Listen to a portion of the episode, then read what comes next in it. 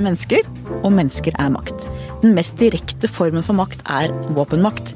Og den som blir betrodd våpenmakt på våre vegne, har underlagt seg en større makt, demokratiet og storsamfunnet. Vi har mye å takke dem for, de som setter livet på spill for Norge. For oss. Eirik Kristoffersen, tidligere leder for Forsvarets spesialkommando.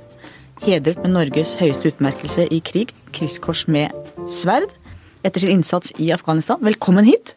Tusen takk. Mange mener at Norges engasjement i Afghanistan ikke brakte de resultatene vi håpet. Det skal vi komme tilbake til. Aller først reklame. Jeg hører på lydbok eh, når jeg kjører bil. Nå skal jeg kjøre om ikke så lenge opp til eh, Lillehammer, så da, da får jeg vel med meg løsningen på Solguden på veien opp, tenker jeg. Når man sitter i bilkø inn til byen og på jobben og akkurat faglitteratur jeg driver med, så det er jo for å få tiden til å gå. og Da er det utrolig praktisk at du bare har den med deg på jeg har Storytel som app på iPhonen min, og da ligger den på der hele tiden. Så det er liksom bare én knapp, så fortsetter jeg der jeg var sist. Man er liksom vant til å streame alt mulig rart, så streame lydbok er jo helt perfekt. Veldig enkelt og greit. Men hvor var han? Hadde han gått allerede? Med Storytel får du ubegrenset tilgang til tusenvis av lydbøker direkte fra mobilen din. Prøv Storytel gratis i 30 dager på storytel.no skartveit. Eirik Kristoffersen, spesialsoldat og Afghanistan-veteran. Du har brukt hele voksenlivet ditt i Forsvaret. Hvorfor det? Det var jo litt tilfeldig at eh, hele voksenlivet mitt ble i Forsvaret. Det jeg tenkte var å bli sivilingeniør og jobbe i oljebransjen. Det var det som var målet mitt etter videregående. Så gjorde jeg som mange andre på den tida der, i 1988, og, og søkte meg inn på befalsskole for å få litt mer ut av førstegangstjenesten. Um, men jeg holdt på målet mitt, da. Så når jeg var ferdig med, med to år i Forsvaret, så begynte jeg på, på NTH, som det het den gangen. Men det varte ikke så lenge? Det varte ikke så lenge. Det varte ca. tre måneder. Så savna jeg Forsvaret så mye at jeg dro tilbake igjen i januar. Uh, og jobba i Forsvaret en par år før jeg begynte på krigsskolen. Um, så siden da har du vært der? Siden da har jeg vært der. Så jeg var ute i ja, jeg har vært ute i Forsvaret nå i, i uh, 29 år. Minus de månedene som var på NTH. 29 år, det er lenge. Hva er den viktigste egenskapen hos en god soldat? Den viktigste egenskapen er vel at uh, man uh, er bevisst verdiene man har.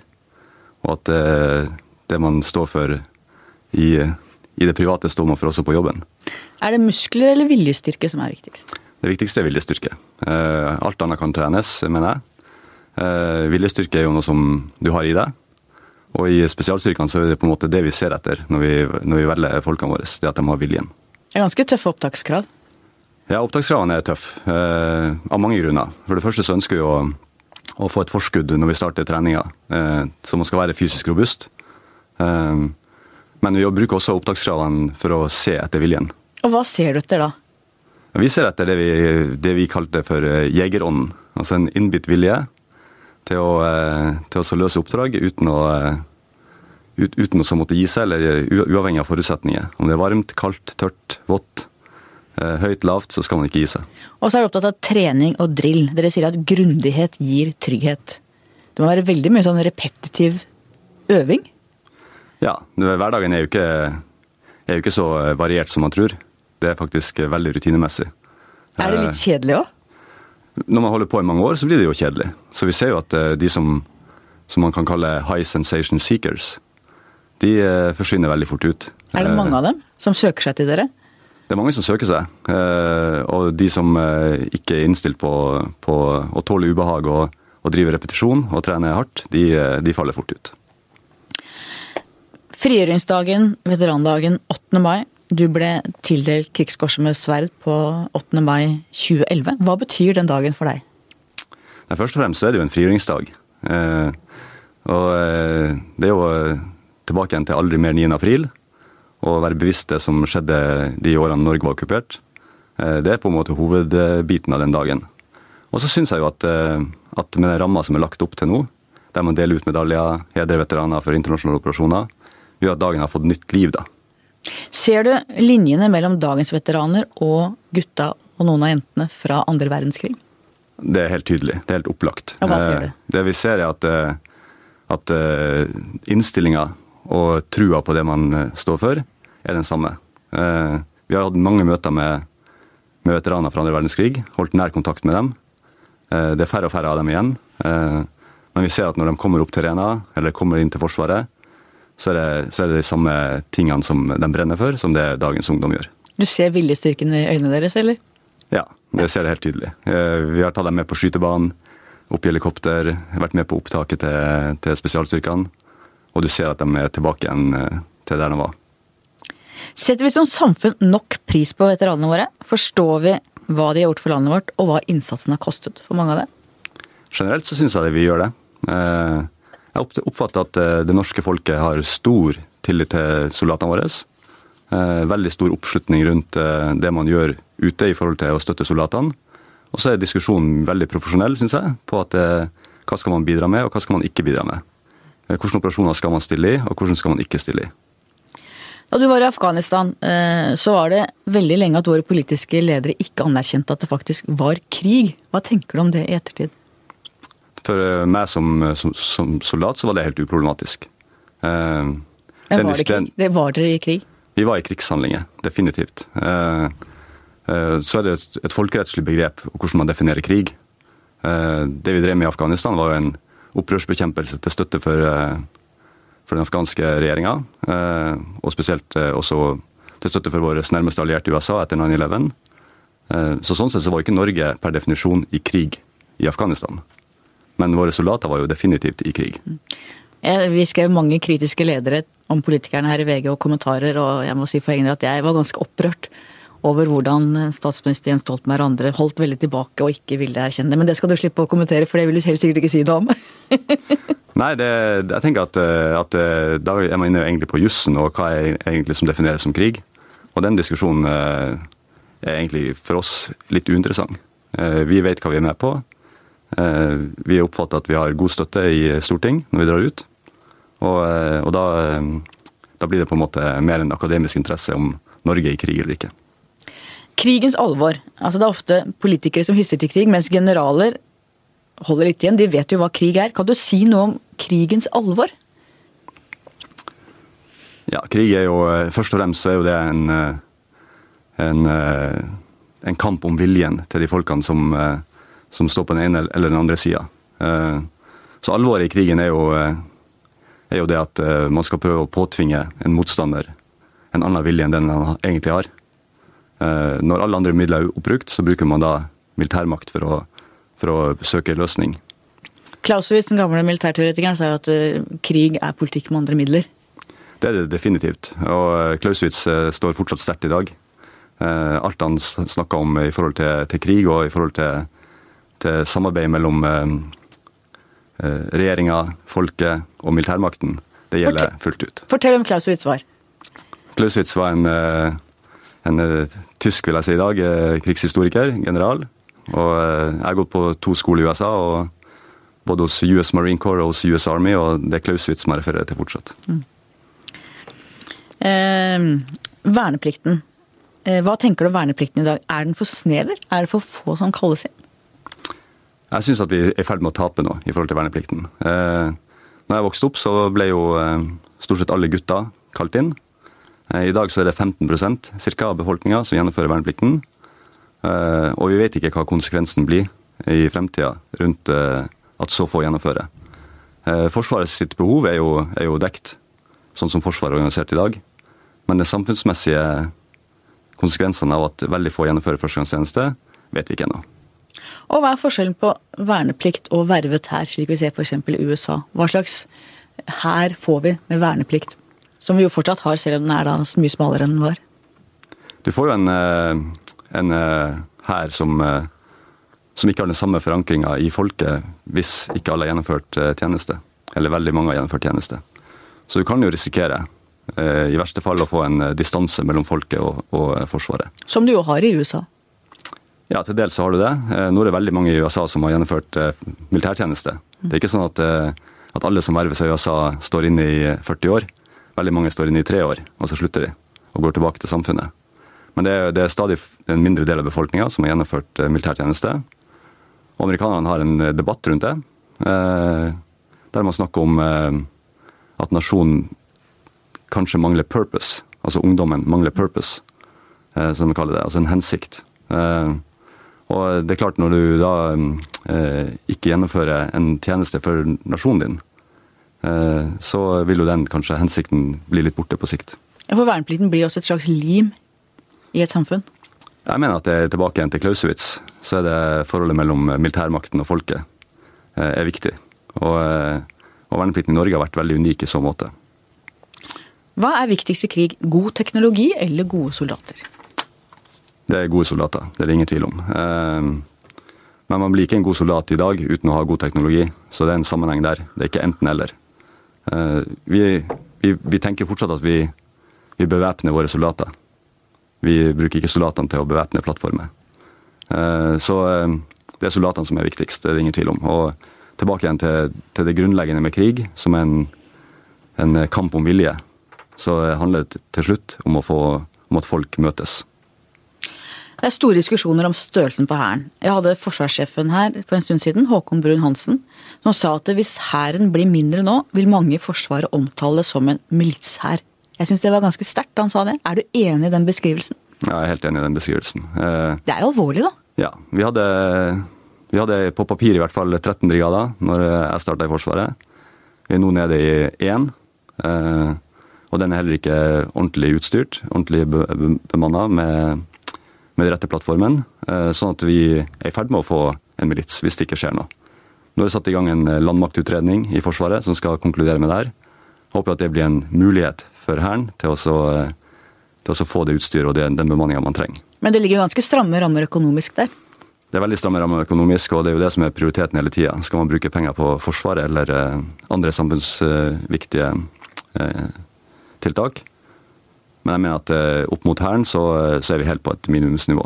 Og når vi da spesielt ser på alt vi gjør for å bidra totalt sett i verden i forbindelse med operasjoner i utlandet, så er det jo mannskapstungt.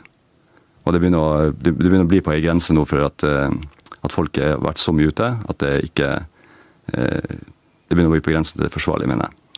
I VG er vi veldig opptatt av på lederplass en stram økonomisk politikk, men vi er også veldig tydelige på at Forsvaret må vi bruke de pengene som trengs på. Noe annet er uansvarlig. Rett og slett. Du har vært i krig i Afghanistan. Hva lærte du der om viktigheten av soldater på bakken? Ja, det, Der handla egentlig alt om soldater på bakken, eh, kombinert med den teknologien du beskrev tidligere.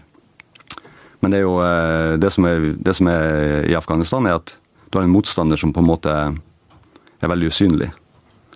Så du, du er tilbake igjen til en krig blant folk, der motstanderen ikke oppfører seg etter de normer og regler som, eh, som krigens folkerett legger til grunn. Hvis Norge på noe tidspunkt eller vis skulle bli angrepet, så argumenterer mange med at det vil skje såkalt asymmetrisk, det vil være på andre måter, det kommer ikke en hær og tar oss. Betyr det at det er ikke like viktig å ha soldater her nå som det var før når krig var annerledes? Jeg tror ikke krig er annerledes. Eh, I sin natur så er den, så er den uforandra. Eh, teknologien har gjort at man kan eh, gjøre soldatene enda bedre. Når det kommer til, et angrep på Norge, så er jeg ikke veldig bekymra for et asymmetrisk angrep på Norge. Jeg tror at det norske samfunnet er så sterkt at det vi så på som hybrid krigføring eller smågrønne menn på, på Krim, det vil ikke ha så veldig store sjanser i Norge. Men Man snakker om type oljeinstallasjoner langt i nord, at man krenker norsk havområde, den type ting. Eller informasjonskrig, som vi har sett at noen hacker, den type ting. Påvirker valg, informasjonskrig. Ja, det, det, vil jo, det, vil være en trussel mot Norge, eh, den type eh, aktiviteter som du beskriver. Men det er jo ikke en eksistensiell trussel for Norge. Mm. Med et åpent eh, demokrati, med en sterk presse, med, med godt utdanna befolkning og med ganske enhetlig, et ganske enhetlig samfunn som har tro på, på åpenhet og verdier, så er vi veldig godt rusta mot sånne typer trusler og anslag. Men at det kan skje, er jo helt opplagt. Men det vil ikke være sånn at da, da vil Norge slutte å fungere. Når du sier at krig handler om soldater og folk, det vi ser av krig rundt oss nå, Syria, Afghanistan, eh, Irak, der tar man jo eh, kvartal for kvartal med soldater i gatene. Det er jo det vi ser. Ja, det, og det er jo igjen tilbake igjen til at krigen er ganske uforandra. Mm. Så selv, selv, vi i Vesten, med all den høyteknologien vi har, så klarer vi ikke å, å vinne militært over en sånn asymmetrisk motstander. Det klarer vi ikke. Og likevel mener du at vi trenger ikke så mange soldater her? Jeg mener at vi trenger mange soldater. Ja, du, Men det er jo mange som mener at vi ikke gjør det? Uh, ja. Uh, vi har jo fortsatt et uh, stort heimevern. som teller mange tusen mann. Og vi har fortsatt en brigade. Men behovet er jo større. Etter den kalde krigens slutt, gjennom hele 1990-tallet, så bygget vi jo ned Forsvaret. Vi trodde at nå var det end of history, nå var det fred i verden. Kan man noen gang gjøre det? Kan man regne med at vi er så trygge at vi kan bygge ned og tenke at verden er et godt sted, eller må vi alltid ha et sterkt forsvar i tilfelle? Dette var et litt ledende spørsmål, hørte jeg når jeg leste det nå. Nei, vi, vi, må ha et sterkt forsvar, men vi må også akseptere at Forsvaret bygges opp og bygges ned, basert på den sikkerhetspolitiske situasjonen. Så det var nok eh, helt rett å, eh, å begynne å se på hvordan man kunne spare inn penger på forsvar eh, på 90-tallet. Eh, helt opplagt. Og sånn har det vært i alle tider. Altså Man bygger opp og bygger ned forsvar, avhengig av hvordan situasjonen er i verden. Og Det er noe vi må akseptere, vi som jobber i Forsvaret òg. At i perioder så vil det være andre ting som har høyere prioritet enn sterkt forsvar. Men det er veld, og det er veldig vanskelig å, å definere den minimumsnivået man må ha til enhver tid. Men det er klart, idet man begynner å bygge et forsvar veldig, uh, veldig, veldig ned, så vil jo man miste veldig mye kompetanse. Dro vi det for langt på 90-tallet, eller var det helt passe? Det er ikke for seint til å rette opp det som skjedde på 90-tallet. Det er det ikke. Du kommer fra en forsvarsfamilie. Faren din var offiser og eksplosjonsrydder i Hæren. Fortell om ham. Ja, han var jo en, eh, det vi i dag ville kalt et spesialistbefal. Altså Vi har innført eh, den spesialistbefalsordninga igjen. Eh, han, han, var en fagmann. Han, han elska jobben sin. Han var opptatt av, av, å rydde opp etter krigen. Ammunisjon som lå i, i spesielt i Nord-Norge, i Finnmark. Og det var vel sånn han egentlig traff mor mi, som var fra Bjerkvik, med at han begynte å jobbe i, i, i Bjerkvik. da. Da han ble pensjonist, så dro han ut og jobba for Norsk Folkehjelp i Irak. Og jobba et år der med rydding av, av eksplosiver fra Iran-Irak-krigen. Og han var oppriktig interessert i faget sitt, men han var også veldig opptatt av at vi skulle ta en utdanning, de to sønnene han hadde. Men jeg skuffa da du slutta på NTH? Jeg tror nok han så for seg at, eh, at, man, at en, både jeg og min bror skulle velge en sivil karriere. Men han støtta oss alltid i det vi gjorde. Så, eh, var dere nære? Ja, min far? Ja. Ja, vi var veldig nære. Det vil jeg si. Uh, han, var, han, var, en familiemann til fullt ut. Han tok oss med på turer og, og uh, brukte all, all fritida si til, til familien. Det gjorde han. Og han var også kontaktmann for de britiske spesialstyrkene, Royal Marines, som trente i området der du vokste opp. Uh, og dere hadde ofte britiske spesialsoldater rundt middagsbordet hjemme. Og av og til fikk du være med på festen når øvelsen var over. Hvordan opplevde du alt dette? Var det, et, var det et eventyr for en ung gutt som var interessert i Ja, det var jo Royal Marines som var der, det, som trente i Bjerkvik hvert år. Eh, og vi vokste opp med det. Vi vokste opp med at de kom på skolen vår og eh, i engelsktimen og snakka med oss. Eh, og jeg vokste opp med at faren far min hadde veldig god kontakt med dem. Så det var jo veldig morsomt å være med og, og, liksom, og skulle lære dem å gå på ski. Eh, og få dem hjem. så jeg vokste opp med at, at når øvelsen var over, så var det sekkepipe i huset og, og god stemning. og, så, og så vokste jeg opp med at bygda vår på en måte ble nesten invadert av Royal Marines hvert eneste år. Godlynte Eh, en godlynt invasjon, da. En veldig godlynt invasjon. Jeg tror første, De første engelske ordene vi lærte oss, var jo eh, på dårlig engelsk, var jo 'have you sweets'. Da fikk vi godteri av, av Royal Marines. Ble du inspirert av dette? Tror du det var det som har inspirert deg til å ta den veien du har tatt? Det har helt sikkert påvirka meg. Helt sikkert. Og moren din, fortell om henne. Ja, Mora mi kommer kom jo fra Bjerkvik. Hun var eh, en av sju barn som vokste opp på en eh, gård eh, hos bestefaren min. Eh, hun begynte også å jobbe for Forsvaret i Bjerkvik som sivilansatt. Eh, hun var 13 år yngre enn min far, så hadde jeg alltid hatt ei ung mor og har, det fortsatt. Eh, opptatt av, eh, av, at vi skulle ha det bra, at vi skulle drive med idrett, Eh, fulgte oss opp på skolen. Og egentlig veldig, en veldig tradisjonell familie. Bestefaren din. Dramatisk historie om bestefaren din. Natt til 13. mai 1940. Tyskerne hadde okkupert eh, Bjerkvik, trukket seg ut igjen, og nå var det britene som angrep. Hva skjedde? Ja, altså, Historia var jo at, eh, at de britiske styrkene trodde jo at tyskerne fortsatt var i Bjerkvik. Så de kom inn med, med skip og begynte å bombardere Bjerkvik. Eh, og skjøt egentlig opp eh, hus etter hus. Eh, flere sivile døde. Og bestefaren min bodde jo på den sida av bygda der, der man ikke starta, så han så jo at det her skjedde. Eh, han løp over til, til naboen, som heter Anton Skau, som den gang var en ung, eh, ung gutt. Og så tok han med seg onkelen min, som, eh, som eh, var et lite barn. Og så rodde de ut mot skipene. Og hvor gammel var onkelen din da? Onkelen min var bare et par år, tenker jeg. Så de rodde da ut mot Anton Skau rodde ut. Bestefaren min sto i front av båten og holdt opp onkelen min for å vise at det var sivile i bygda. Stansa britene da? De stansa å skyte. Eh, Om det var pga. det, eller om det var pga. at de skjønte at eh, her er det andre ting eh, som, som, som skjer, at det er en, annen situasjon enn man oppfatter, det, det, vet jeg, det vet jeg ikke.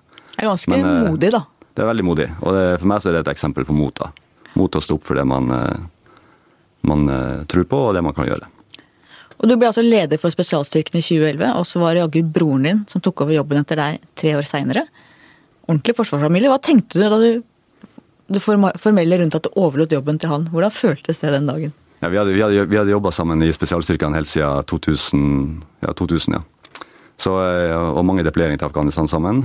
Så jeg visste at han var kvalifisert. Jeg visste at han kom til å gjøre det her eh, bra.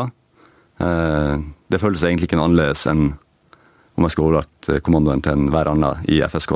Vi har et veldig profesjonelt forhold til det med jobben og det at vi er brødre. Og jeg hadde jo ingenting å si på uttaket av han til sjef.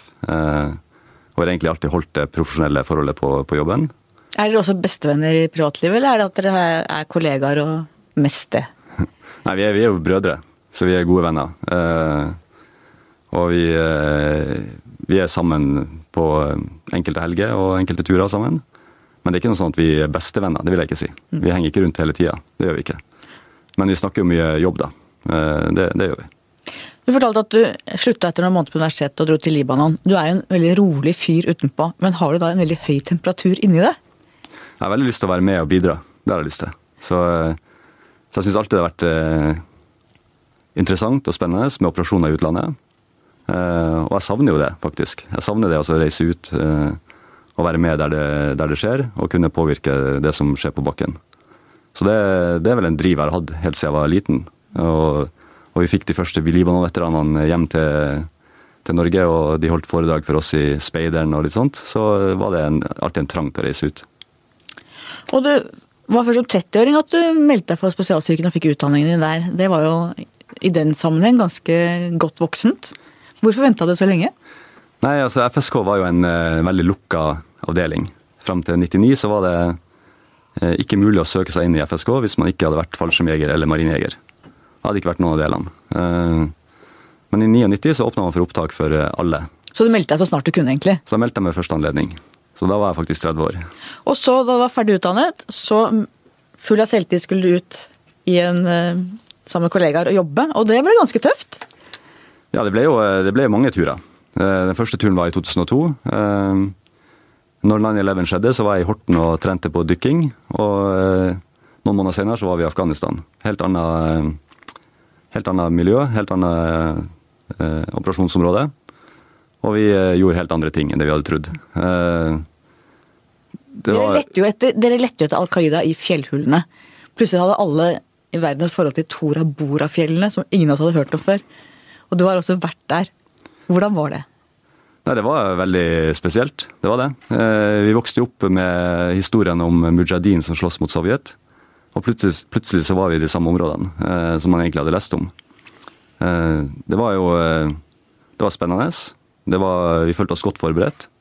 Vi var ikke spesielt bekymra eh, når vi dro ut. Og jeg har egentlig aldri vært eh, veldig bekymra for, for hva som skjer på bakken når jeg er ute. De, de som har vært rundt meg, har alltid vært godt trent. Eh, en helt annen operasjon enn eh, Libanon. I Libanon så ble vi dratt sammen fra mange forskjellige avdelinger og satt sammen, og gjorde så godt vi kunne. I Afghanistan så ble vi sendt ut som avdeling, og, eh, og kom hjem som avdeling, og reiste ut igjen. Det gir en annen trygghet, selvfølgelig? Det gir en helt annen trygghet, og det gir en, eh, en helt annen, annen kontinuitet i oppfølging, veterantjeneste, også den biten der. Du har fortalt at du opplevde at afghanerne hadde endret holdning mellom første gang og andre gang du var der, mellom da du hadde dratt hjem i 2003 og kom tilbake i 2005. Og at de som hadde sittet på gjerdet sist du var der, nå hadde valgt side. Trusselbildet var et annet. Veibomber, andre angrep. Og du følte for første gang, har du sagt seinere, at dette kunne gå galt. Hva hadde skjedd i mellomtiden da? Det, det, store som har skjedd i, i verden, var jo invasjonen i Irak. Når USA gikk inn i Irak, eh, så ble Afghanistan overlatt litt til seg sjøl. Eh, prioriteten var på Irak, det var det ingen tvil om. Var det en tabbe? Jeg mener at Irak-invasjonen var en tabbe. Det er det ingen tvil om. Og, eh, Hadde Afghanistan sett annerledes ut i dag uten Irak-invasjonen? Ja, Hvis vi hadde opprettholdt de ressursene vi hadde der i 2002-2003, mm. som selvfølgelig noen av de ble skifta over til Irak, mm. så ville nok Afghanistan kunne sett annerledes ut. Jeg møtte mange, mange folk i 2003 som som, som jeg sa satt på gjerdet. Og eh, når jeg kom tilbake i 2005, så hadde enkelte av dem valgt side, og de hadde valgt Taliban. Eh, vi snakka med en guvernør som senere var på, på en av de listene med folk som han skulle arrestere. Og i 2003 så ville han gjerne samarbeide, men i 2005 så hadde han bytta side. Kamp om viljen. Det handler mye om å vinne hjerter og hoder. Eh, sviktet, sviktet det der den gangen? Nei, det var i hvert fall en, hvert fall en, eh, en mulighet som ble, eh, som ble tapt. Eh, jeg tror nok man hadde måte vunnet hjertet med at man var såpass effektiv og rask som man var med å, med å kaste Taliban. Da var det en mulighet til å få, få forandring. Den forandringa kom ikke. Og dere hadde jo en stil hvor dere gikk med lite våpen inn i landsbyene, snakka med folk, holdt garden nede. Dere viste dere som eh, mennesker mer enn soldater, på et vis? Kan man si det sånn? Ja, Vi var opptatt av å snakke med folk. Altså Oppdraget var jo i 2003 og 2005 var jo, var jo nettopp det. Det var altså rede grunn for et valg i Afghanistan. Eh, etablere en, en, oppfattelse av trygghet eh, som gjorde at folk ville stemme ved valget, spesielt i 2005. Eh, og da er det ikke noen annen måte å gjøre det på enn å være ute blant folk. Fortell om afghanere du møtte. Hva slags folk er det? Hvordan vil du beskrive dem? Afghanerne er først og fremst et veldig stolt folk. Eh, de er stolt over landet sitt. De, de er stolt over kulturen sin, og de står for det de tror på. da. Så de, eh, de ser på fremmede som en forstyrrende faktor. Og så er også Afghanistan et sammensatt land med, med forskjellige stammer, forskjellige klaner og forskjellige folkegrupper der pashtunerne, som jo Taliban eh, primært kommer fra, er den største gruppa.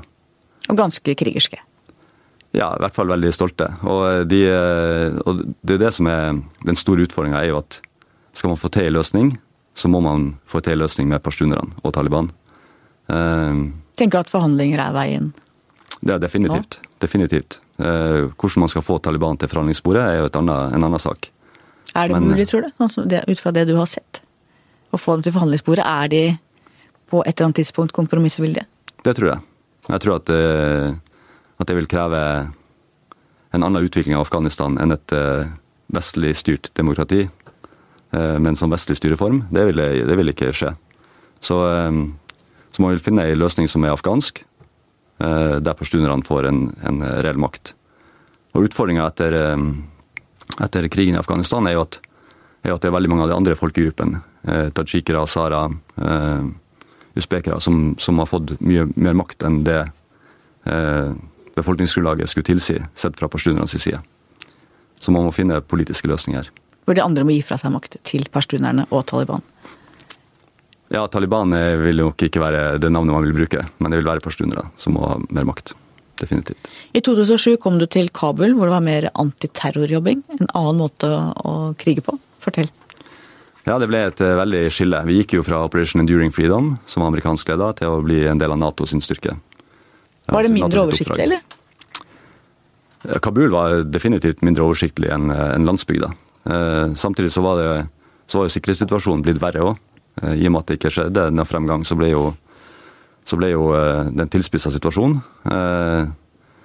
Der eh, Kabul, som vi oppfatta som veldig trygt i 2003 og 2005, plutselig var et, eh, et sted der det skjedde selvmordsbombing, eh, terrorangrep og en usikker situasjon. Så vi, vi starta jo da kampen med å, med å arrestere, pågripe, eh, finne ut hvem som var bakmennene for de aksjonene som skjer, og på en måte få brakt de inn for afghansk rett.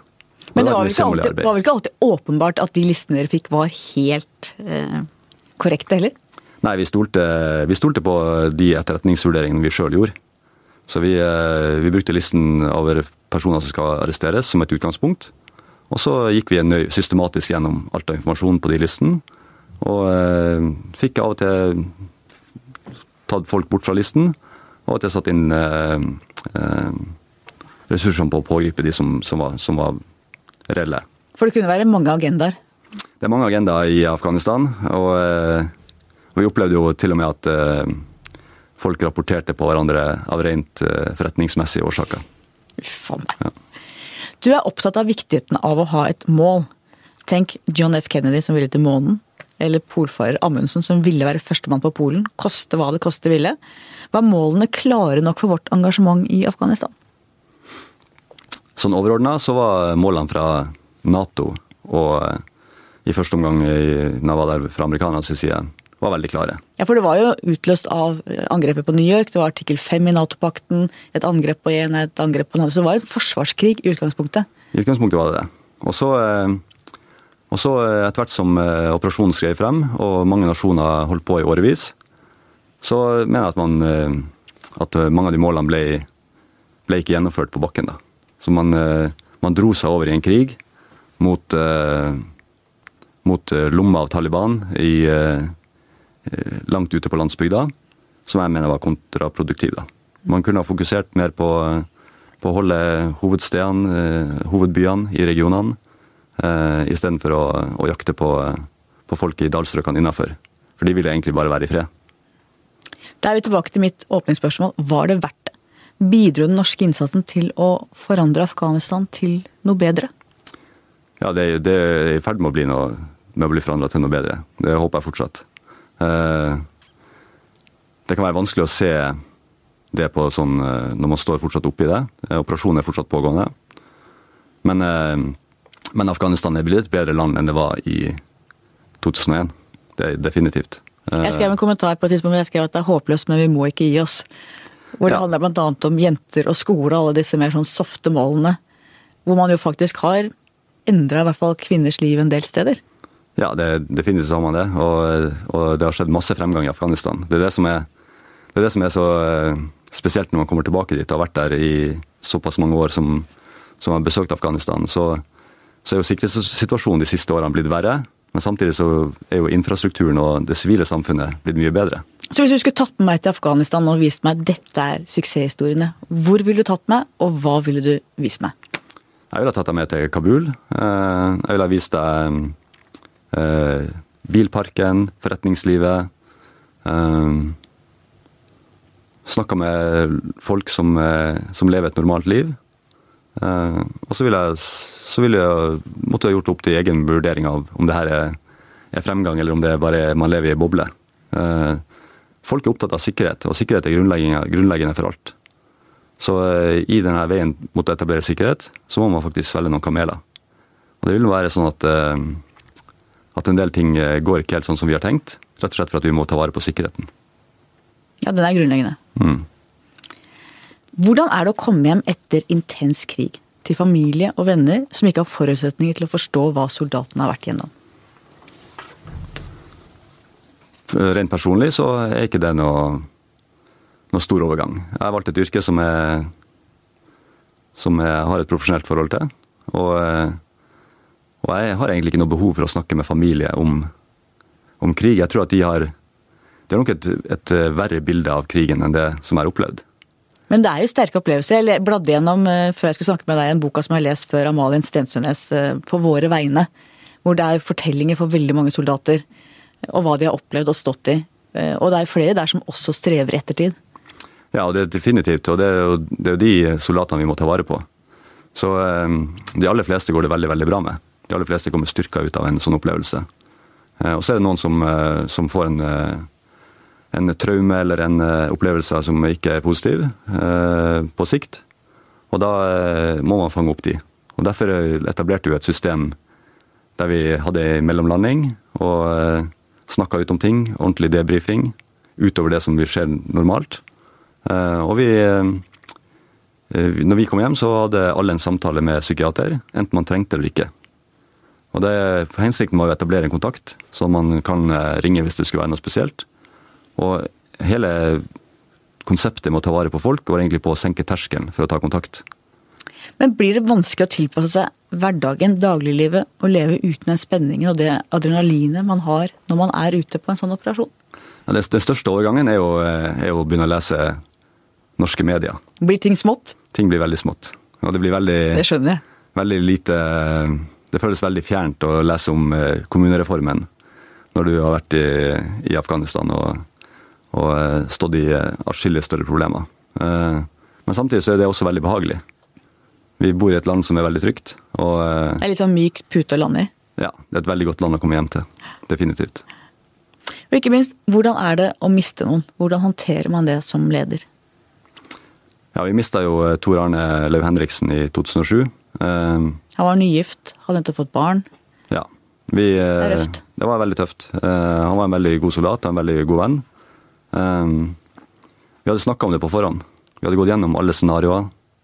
Inkludert hva skjer hvis jeg blir skutt, hva skjer hvis vi mister to mann, hva skjer hvis vi mister seks, hva gjør vi videre?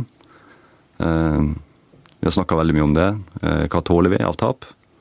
Så når, eh, når Tor Arne ble, ble, drept, så, så gjennomførte vi jo de rutinene som man gjør, eh, og den sorgprosessen som man må gjennom. Men vi var også veldig raskt tilbake i operasjon. Eh, tilbake på hesten? Ja. Den beste måten vi kunne hedre Tor Arne på, var å fortsette som planlagt. Pre mortem, er det et uttrykk i Forsvaret? At man må gjøre ting, altså skrive testamentet? Dere gjør en del forberedelser før dere drar, for dere vet at det kan gå fryktelig gærent? Ja, det, vi, vi, legger ikke noe stor vekt på det. Altså, vi forutsetter at folk har ting i orden. Eh, at man har eh, autogiro og har gjort unna alt som trengs før man reiser ut. Sånn at ting går, ting går sin gang. Ja, at, at man har trenger, trenger man snømåking, så har man avtale med en kar som måker snø. Hvis det Hvis man har barn, så har man tenkt på hva skjer hvis uh, mor eller far går bort. Uh, hvordan er vi stilt økonomisk? Eh, alle de tingene som alle folk må gjøre. Og så er det egentlig, egentlig så er det ingen forskjell på det og, og, og, et, og livet i hverdagen. Altså Man må tenke seg om. Vi lager ikke noe stor, stort nummer ut av at man skal skrive testament og den biten der. Det får være opp til den enkelte. Jeg eksempel har aldri skrevet noe testamente før jeg reiser ut. Det finnes såpass gode ordninger i Norge at det blir tatt vare på. Uh, men, eh, men du, du, får en eh, du får en bevissthet rundt det, spesielt første gangen du skal reise. Og Hvordan håndterer du frykt? Din egen frykt, og hos dem du leder? Jeg er jo veldig glad for at folk føler frykt. For det er et varsel på at ok, nå må man gjøre noen tiltak. Så det, det vanligste måten å håndtere det på, er jo at man gjør som man har trent på. Og det her er ikke noe vanskeligere enn det vi trener på til daglig. Snakker man om at man er redd? Ja, det vil man gjøre. Så eh, veldig profesjonelt. Man går gjennom egentlig operasjon, og så kaller man det for risiko. Eh, hva er risikoen i, i de forskjellige fasene? Det er mer et nøkternt begrep. Veldig, mindre veldig emosjonelt. Nøktert. Ja, det er mindre emosjonelt. Så, eh, så, når vi skal gjennomføre en operasjon, så går vi gjennom eh, risikoen fase for fase. Risikoen for at oppdraget kan bli ødelagt, og risikoen for at vi kan eh, få skadde eller drepte eh, mannskaper. Så det er, en, det er en veldig profesjonell, gjennomført, systematisk sak, der man reduserer risiko i alle ledd. Og så har dere et språkbruk det har slått meg ofte, hvor man sier f.eks. ta ut noen istedenfor å drepe noen. Altså Man gjør det veldig klinisk språket, kanskje for å klare å håndtere det? Ja, Det blir jo et profesjonelt språk òg. Akkurat som hvis man er på operasjonsstua hos en hos en lege, så vil man jo også eh, ha problemer med å oppfatte hva som skjer, eh, ut fra å høre på, eh, på språket blant legene. Så man bruker jo faguttrykk, da. Man gjør det. Norske soldater er kjent for å bruke minimalt med maktbruk for å få maksimalt resultat. Ligger det en parallell til debatten om politiets bevæpning her? Altså Norsk politi er også kjent for å løse vanskelige situasjoner med andre virkemidler enn våpen og maktbruk, så fremt det er mulig. Ja, Det er en styrke vi har i det norske samfunnet, syns jeg. At vi, vi har et politi som eh, ikke er militarisert. Og vi har et forsvar som, eh, som evner å, å bruke minimalt med makt når det finnes andre metoder. Og det skal vi ta vare på. Og, og jeg tenker at den debatten rundt politiets bevæpning er jo det politiet som må stå for. Men jeg har også stor forståelse for at politiet i situasjoner må bevæpnes. Helt opplagt. Det tror, jeg, det tror jeg veldig mange er, eller jeg tror alle er enige om. Ja. Spørsmålet er om du skal gå med en gunner i beltet overalt når du er på patrulje på kjøpesenteret på Dokka. Jeg tror at det må være fleksibelt. Jeg tror at det må være helt tydelig på, på når må man eh, bevæpne seg, og hvordan må, må, må, må man bevæpne seg. Det er ikke sånn at, at en eh, pistol nødvendigvis eh, gjør den store forskjellen. Man må også ha en diskusjon om hvilken type bevæpning skal man ha. Vi var jo sammen på lanseringen av Malin Stensønes sin bok om beredskapstroppen for ikke så lenge siden. Og gutta der som står antagelig i de tøffeste situasjonene politiet kan oppleve, de bruker også hode og hjerte mye mer enn våpen. Jeg ble slått av hvor, um, hvor vanlig de var, på en måte. Det var ikke sånne svære muskelbunter, tvert om. Det var vanlige norske menn. Det var veldig sterkt å høre noen av de historiene deres. Kjenner du deg igjen i dem? Ja, veldig, veldig godt. Altså det er veldig vi jobber mye med beredskapstroppen. Ehm, I min tid som, som, i FSK så var det jo veldig mye samtrening. Ehm, det, det er den samme type mennesker som, som, søker seg dit, som søker seg til spesialstyrkene. Ehm, egentlig vanlige norske familiefedre, veldig mange av dem. Starter som, eh, som eh, unge gutter og menn, og så blir man eh, etter hvert en del av en styrke som er veldig profesjonell. Og klok! Jeg merka den klokskapen som på en måte de kan mye om mennesker. Ja, vi har jo et, har jo et, et samfunn i Norge der, der, folk har høyt utdanningsnivå. Og igjen tilbake igjen til, til det du snakka om, om, verneplikten. Så er jo min, En av mine påstander har alltid vært at det er verneplikten som gjør at vi har så gode soldater. Eh, hadde det ikke vært for verneplikten, så hadde ikke vi klart å rekruttere de spesialsoldatene som vi rekrutterer til, til Forsvaret. Og, og for, øvrig, for, øvrig, til Forsvaret for øvrig. Vi får, vi får veldig godt utdanna, veldig reflekterte, veldig flinke soldater. Maktbegrensning eh, motvirke, ikke bekjempe, sier dere. Hvordan vil du forklare forskjellen på motvirke og bekjempe? Ja, Motvirke er jo, eh, er jo mer en defensiv rolle, eh, som du gjør for å, for å, motvirke at noe skal skje. Eh, mens bekjempe er jo, eh, er jo et ord vi liker veldig godt når vi kommer til til en gisselsituasjon eller en kontraterrorsituasjon, så skal vi bekjempe motstanderen. I Afghanistan så var det veldig mye, handla veldig mye om å motvirke. Altså få arrestert, pågrepet, stilt for retten bak mennene. Så gjorde at nettverket etter hvert kanskje stoppa litt opp, eller kanskje ikke i oppløsning. Men når det er en veldig konkret situasjon, så er det, så er det ordet 'bekjempe'. Vi vi bruker det. Og det For oss betyr det, betyr det å bruke minimalt med makt, men allikevel eh, stoppe den personen som utgjør en direkte trussel. Mm. Pragmatisk tilnærming, egentlig? ja, er, ja det, er, det, er, alvorlig. Så det er ikke noe eh, det er ikke noe pragmatisme i det sånn sett. Jeg tenkte, ikke, jeg tenkte mer pragmatisk i den forstand at du, at du er opptatt av resultatet. Ja, vi er veldig opptatt av resultatet. Så eh, og det er alltid, Bruker de virkemidlene som du må bruke? Ja. Det er alltid et mål for oss, akkurat som for politiet, å få stilt folk eh, for retten. da. Eh, framfor at de skal være døde. Samarbeid med politi og forsvar, kampen mot terror. Det går historier om at det ikke går så bra. Andre sier at det går veldig bra. Hva er din opplevelse? Ja, min opplevelse er at det er veldig bra. Forsvarets støtte til politiet i kampen mot terror eller i en kontraterroroperasjon er jo også å støtte politiet når politiets ressurser er tømt ut. Og da er det ingen tvil om hvem som har myndigheten i en slik situasjon på norsk jord? Nei, det er ingen tvil. Det er politimesteren som leder det. Eh, terror er definert som en alvorlig kriminalitet. Så eh, det vil alltid være sånn i en eh, terrorsituasjon at vil, fra, fra maktmidlene sin side så vil det være en lokal politimann som reagerer først. Så kommer forsterka fra sitt distrikt. Så det beredskapstroppen som kan bidra, bistå. Og til slutt så er det Forsvaret. Og eh, Forsvaret og spesialstyrkene sin rolle er egentlig bare å garantere at, eh, at situasjonen skal avsluttes, eh, hvis alt annet er prøvd. Er vi forberedt neste gang, hvis det kommer terror hit? Ja, vi er så godt forberedt som vi kan være. Men det vil, være, det vil alltid bli kritikk etter en sånn sak. Man vil aldri være godt nok i stand til å forhindre skade fullt ut hvis, hvis terroristene er villige til å bruke alle midler. Er vi mentalt nok forberedt? Jeg tror det kommer til å skje noe på et eller annet tidspunkt. Og, og da er spørsmålet om vi klarer å eh, ikke få panikk, ikke sette prinsippene eh, over styr, men holde på det som er det norske samfunnet.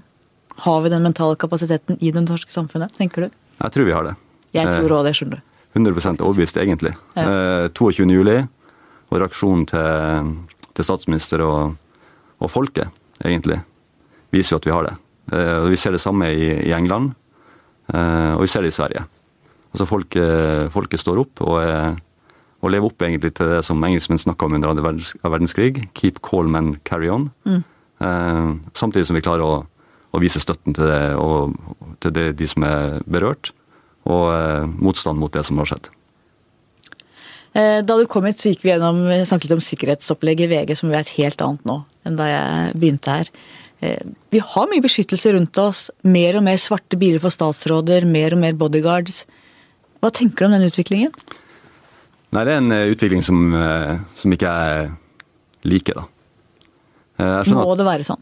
Man må, man må, selvfølgelig ta trusler på alvor og, og, bygge sikkerhet. Men det viktigste sikkerhetsarbeidet vi gjør, er jo, eh, er jo det som er forebygge. Altså hvilket samfunn vil vi ha? Eh, hva er verdiene vi står for? Eh, bevisstheten rundt det. Og så er det spørsmålet hvor skal man bruke ressursene? Skal man bruke ressursene på å pansre bygg eller, eller, biler? Eller skal man bruke ressursene på, på å være et, et motstandsdyktig samfunn? da? Som eh, der en, en, et anslag på en måte ikke forandrer samfunnsstrukturene i det hele tatt. Eh, det som er faren med, med for mye fokus på, på, fysisk sikring, er at det, man flytter egentlig bare problemer til andre områder. Og så er det jo vanskelig, hvis man først har begynt med den svarte statsrådsbilen eh, for alle sammen, og begynt med bodyguard, så er det vanskelig å skalere tilbake. For det er noen som vil tenke at, at de risikerer veldig mye med å ta en sånn beslutning. Så det blir en slags selvforsterking i det beskyttelsesregimet òg. At det blir mer og mer, på en måte. Ja, det er, det er en spiral, det. Som, eh, som, er veldig vanskelig å snu. Har man først sagt eh, A, så sier man B, og så baller det på seg. Eh, man får mer og mer sikkerhet i form av fysisk sikring. Og hvis man da ikke er bevisst på at det her egentlig handler om, om å forebygge, gjennom holdninger og opplysning og, og alt det som motvirker, som er proaktivt, så kan man bli veldig reaktiv i forhold til, til trusler. Og det ønsker vi egentlig ikke. Jeg tenker En av styrkene med det norske samfunnet er den nærheten mellom politikere og folk. Det at du kan møte en statsråd. Eh, kunne møte statsminister Jens Stoltenberg på vei til Stortinget, mellom statsministerens kontor og Stortinget. At det at folk ser at politikerne er som vanlige folk, går på gata, at det er en kjempeverdi. Og det skal veldig mye til før vi kaster den på båten, og det føler jeg nok av og til at vi kanskje er litt i ferd med å gjøre. Og det vil eh, svekke samfunnet vårt, mener jeg. Ja, jeg er helt enig. og det, det det er en tøff avgjørelse å ta, å bestemme seg for at man skal begynne å gå, gå på Stortinget igjen for, eh, for statsministeren. Det, det, er nok. Men, eh, men samtidig så er, jo, eh, så er, jo, trusselnivået i Norge jo fortsatt lavt i forhold til, til at man kan bli angrepet helt tilfeldigvis. I dag så gikk jeg gjennom byen i Oslo i uniformen min, og får jo bare positive kommentarer. Det er jo ikke sånn at, at jeg opplever at, at det er en overhengende trussel for at det skal skje noe her. Mm. Men vi må også stole på, på de vurderingene som eh, Politiets sikkerhetstjeneste gjør, eh, og ta de tiltakene som trengs.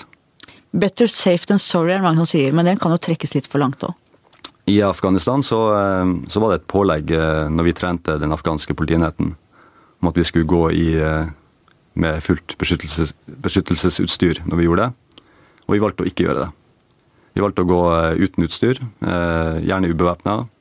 Spille fotball med dem, løpe på fjellet med dem, eh, være på skytebanen. Eh, veldig eh, uten noe særlig beskyttelse. Og det gjorde at sikkerheten vår, mente vi, ble bedre. Bygge tillit. Tillit er også et forsvarsverk.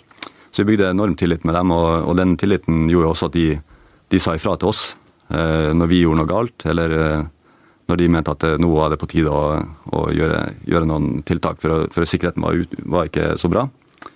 Så, eh, så jeg tror at det, det, bidrar veldig til at vi har hatt stor suksess med å bygge opp den afghanske politienheten. Nettopp at vi klarte å bygge den tilliten, og det har gjort det sikrere for oss òg.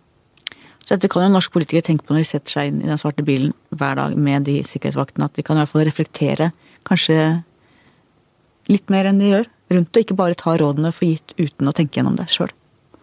Ja, så er jo Norske politikere er jo veldig flinke til å møte folk, så de gjør jo det. på alle mulige arenaer. Samtidig som de sitter i en pansra bil. Så, eh, så, det er jo eh, man, man skal være byst, med den profilen, det skal man være. Norske spesial, spesialsoldater har et veldig godt rykte. Eh, jeg studerte i USA sammen med flere amerikanske offiserer som hadde tjenestegjort sammen med nordmenn i Afghanistan. Og vi hadde også besøk på et tidspunkt av en venn som var amerikansk offiser, som hadde gått mye i fjellene i Afghanistan. Og det var vinter, ti kuldegrader ute, og vår ettåring lå ute og sov i vogna. Og han, offiseren og kona hans fikk helt sjokk da de oppdaget det, før han utbød det er altså derfor dere er så gode. Dere begynner å trene dem allerede som babyer. ja. Øh, igjen tilbake igjen til, til den øh, menneskemassen vi får, øh, får, kontakt med gjennom verneplikten. Så får du jo, du får de, her, de her gode norske menn og kvinner som er vant med å, med å tåle en støyt. Som ikke bare bare har vokst opp foran PC-en sin, men faktisk har vært ute på tur. Eh, har vært i fjellet. Eh, og når du da i tillegg eh, får trent i kanskje et av de vanskeligste klimaene som er i verden, i Nord-Norge eller, eller på fjellet i, i, i sør, så, jo, så, får du veldig gode soldater. Du får soldater som er vant med å operere i, i vanskelige forhold. Man bruker å si det at, at hvis man gjør alt feil i ørkenen, så må du dø etter fire dager. Hvis du gjør alt feil i norske fjellet, så må du dø etter fire timer.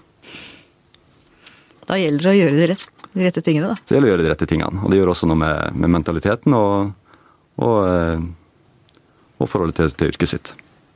Hva er den største feilen du har gjort som leder, og hva lærte du av det? Den største feilen jeg har gjort, er vel at eh, er vel egentlig at eh, Av og til har jeg undervurdert hvor mye personlig eh, motivasjon betyr for eh, eh, i en omstilling. Så, eh, I Forsvaret, tenker du? Ja, i Forsvaret. Sånn at, eh, og da, da, snakker jeg ikke om motivasjon for Forsvarets beste, men for seg sjøl. Altså seg og sin familie og sin arbeidsplass. At det blir for mye motstand? Det blir veldig mye motstand. Det, det, er lett å tenke at eh, man vil det beste for Forsvaret, og det som er mest økonomisk og rasjonelt og, og, eh, og fornuftig å drive med. Men så handler det til slutt om eh, familie, hjem, bosted. Eh, rett og slett eh, seg sjøl. Det, har, du har, du funnet, har, du funnet, noen måter, har du lært noen måter å komme rundt det på, eller å møte det på som er mer som gjør at det går lettere, da, med de store forandringene som er veldig tøffe for mange? Ja, altså det må jo, det må jo, Ting må forankres eh, fra bunnen av. og Man må se muligheter, man må få med seg folket på, på det. Det er helt, egentlig veldig basis lederskapsteori. Eh, men jeg tror man har lett for å tenke at eh, folk er rasjonelle, men ofte er man veldig irrasjonell. Man bruker rasjonelle argumenter, men har en emosjonell motstand som overvinner hodet, på en måte? Ja, man eh, finner vikarierende argumenter, man finner gode løsninger for at det skal være som, som det er, istedenfor å, å komme videre. Dere er altså forberedt på å ofre livet for landet vårt. Tenker du ofte på døden? Nei, det gjør jeg egentlig ikke. Jeg, er ikke redd for å dø.